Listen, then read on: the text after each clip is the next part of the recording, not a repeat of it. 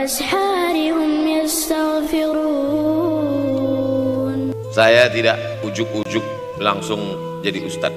Saya sempat jadi mahasiswa. Mahasiswa terlama di dunia. Saya kuliah di Mesir tahun 1998 sampai 2002.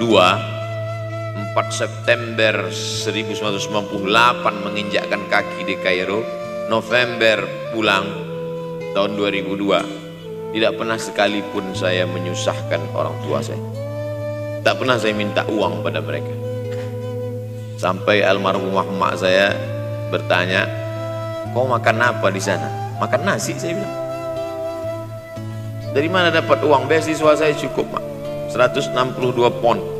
50 untuk makan, 50 untuk rumah, tinggal 62, 20 dibagi lagi untuk ongkos, 20 untuk buku, 20 disimpan mana tahu demam sakit gak ada uang. Sampai pulang.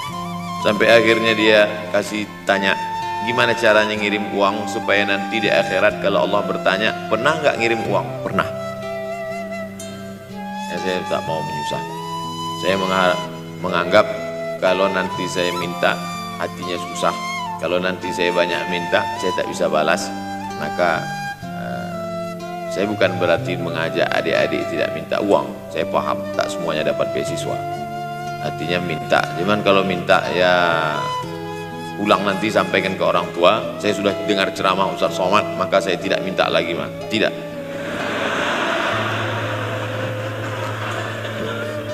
Tapi tolong dirapel setahun sekali aja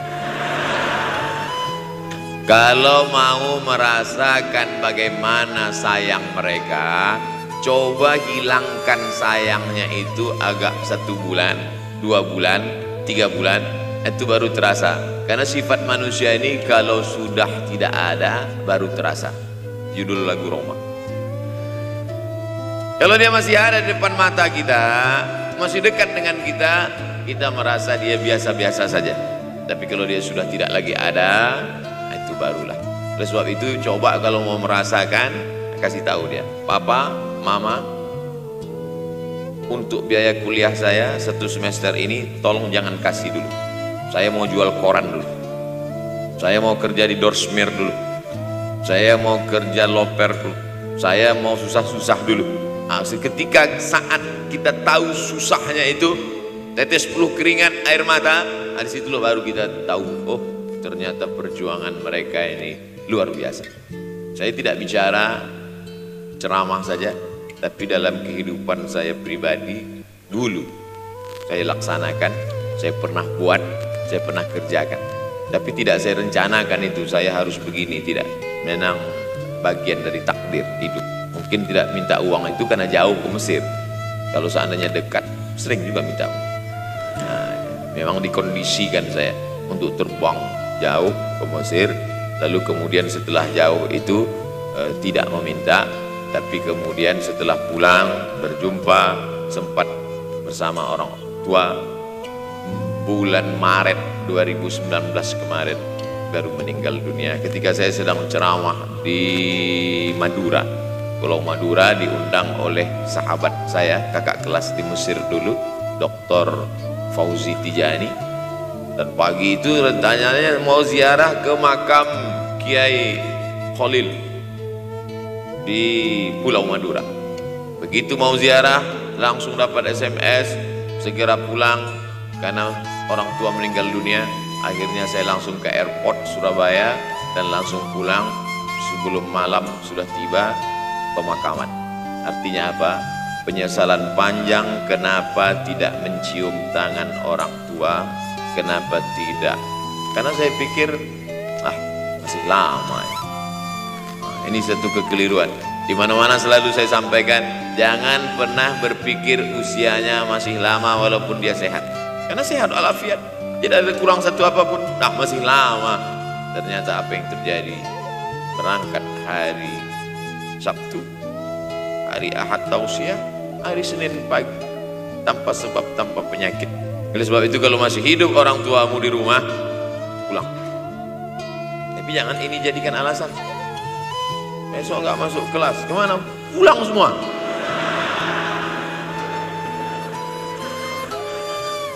Pulang sesuai dengan kondisi situasi dan keadaan. Pulang. Kalau masih bisa membahagiakan dia apa makanan kesukaannya? Belikan. Suka makan apa dia?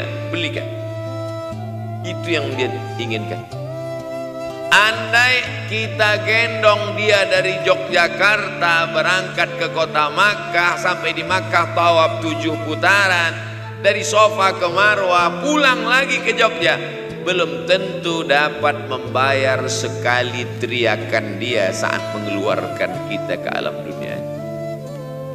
Jadi banyak orang terlalu membanggakan. Saya sudah banggakan dia Pak Ustaz. Saya sudah bayarkan ONH-nya. Berapa? Baru DP-nya sudah sudah merasa berbakti kepada orang tua? Belum. Makanya digunakan kata birrul walidain. Kenapa Allah tidak menggunakan kata husnul walidain? Hasan baik. Jayid baik. Tayyib baik. Khair baik. Tapi yang dipakai birrul walidain hanya satu-satunya kata untuk orang tua dipakai. Birrul walidain. Karena kata birru adalah sifat Allah SWT makanya di antara asmaul husna ada al barrut tawwab. Allah yang punya sifat itu. Maka kita diharapkan berakhlak seperti akhlak Allah Subhanahu wa taala. Adabani rabbi fa ahsana ta'dibi Allah mendidik aku menjadi beradab sehingga adabku penuh Allah subhanahu wa ta'ala tidak ada puji Nabi Muhammad SAW Hai Muhammad yang sholat tahajudnya sampai kakinya bengkak. Hai Muhammad yang hajinya di tidak ada. Apa kata pujian Allah untuk Nabi Muhammad SAW wa innaka la'ala khuluqin azim. Akhlak agung dan mulia. Oleh sebab itu tak ada gunanya prestasi S1, S2, S3, postdoktoral, profesor kalau tidak berbakti kepada orang tua. Makanya orang tua itu levelnya langsung setelah Allah. Wa qadha rabbuka alla ta'budu illa iyyah. Langsung wa bil walidaini ihsana. Ihsan. Lihat lagi penggunaan kata ihsan dalam hadis Nabi Jibril alaihissalam datang rambutnya tidak berdebu bajunya sangat putih bersih tapi tidak ada orang yang kenal. Diriwayatkan oleh Sayyidina Umar ibn al-Khattab radhiyallahu an. Aku melihat ada seorang laki-laki rambutnya sangat hitam dan bajunya sangat putih tapi kami tidak ada yang kenal. Ini tiga indikasi ini menunjukkan kebingungan. Kalau ada orang rambutnya sangat hitam dan kita kenal, berarti dia memang orang situ, memang tinggalnya di situ. Tapi dia kalau orang perantau, rambutnya pasti berdebu karena tinggal di gurun pasir. Sekarang kan banyak tuh anak-anak muda yang rambutnya berdebu. Itu berarti orang jauh, bukan orang Jogja. Bajunya sangat putih, tapi kami tidak kenal kalau bajunya agak-agak kotor berarti dia musafir pantas kalau kita tidak kenal tapi bajunya sangat putih berarti dia memang orang situ tapi kami tidak kenal kata Umar bin Khattab rambutnya sangat hitam bajunya sangat putih tapi kami tidak kenal dan dia duduk berhadap-hadapan dengan Nabi lututnya dekat dengan lutut Nabi tapi kami tidak kenal dia bertanya tentang iman dia bertanya tentang Islam dia bertanya tentang ihsan setelah selesai baru Nabi bertanya, Umar, ya, kamu tahu siapa tadi yang datang bertanya tentang iman, Islam dan ihsan itu? Tidak. Jibril yu'allimukum dinakum. Tadi yang datang itu adalah Jibril alaihissalam. Orang selevel Umar bin Khattab tidak kenal Jibril. Eh, ada orang Indonesia baru ketemu Jibril.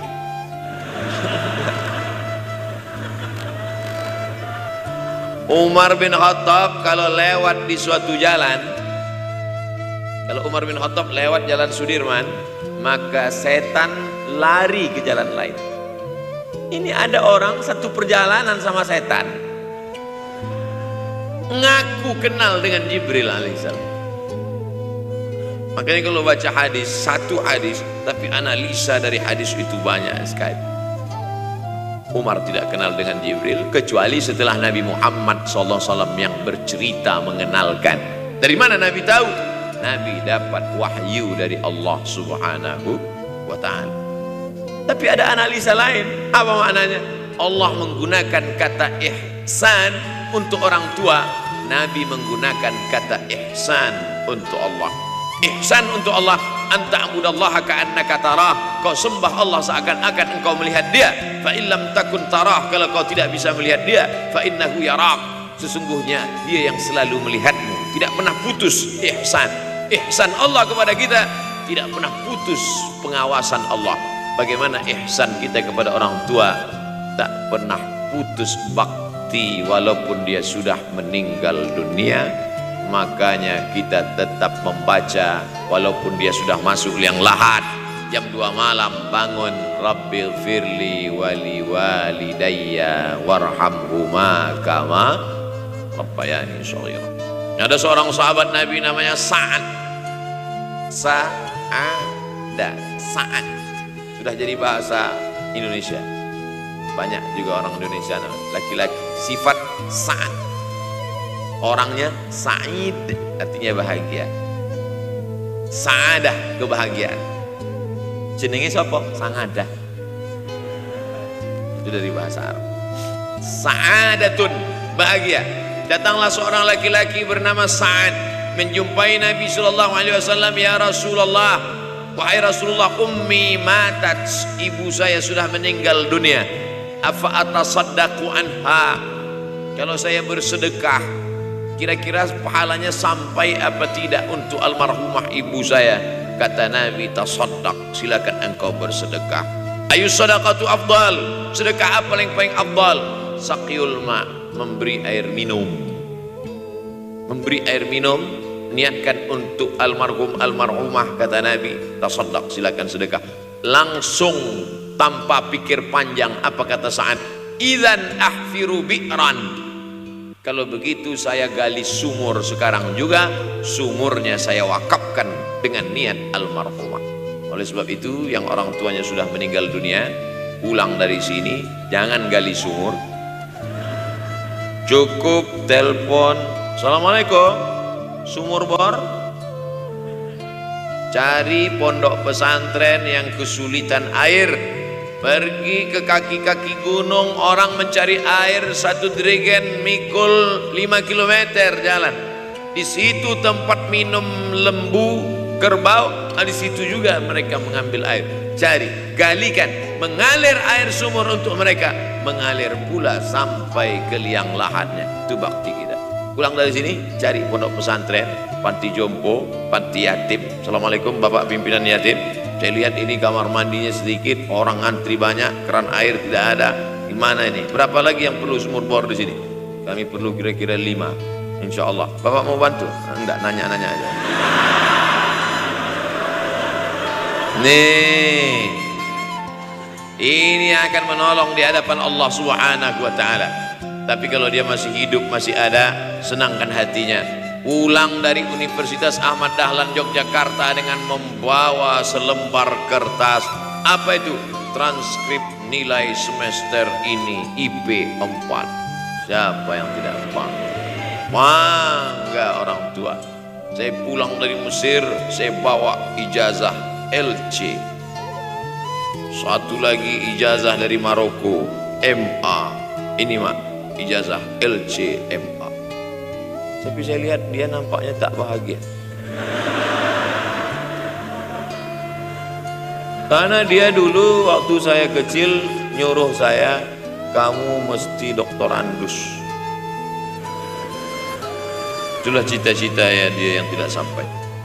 Saya mesti doktorandus. Di mana mau mencari titel doktorandus sekarang? LCMA. Saya bilang, Mak, ini LCMA ini lebih hebat dari doktorandus.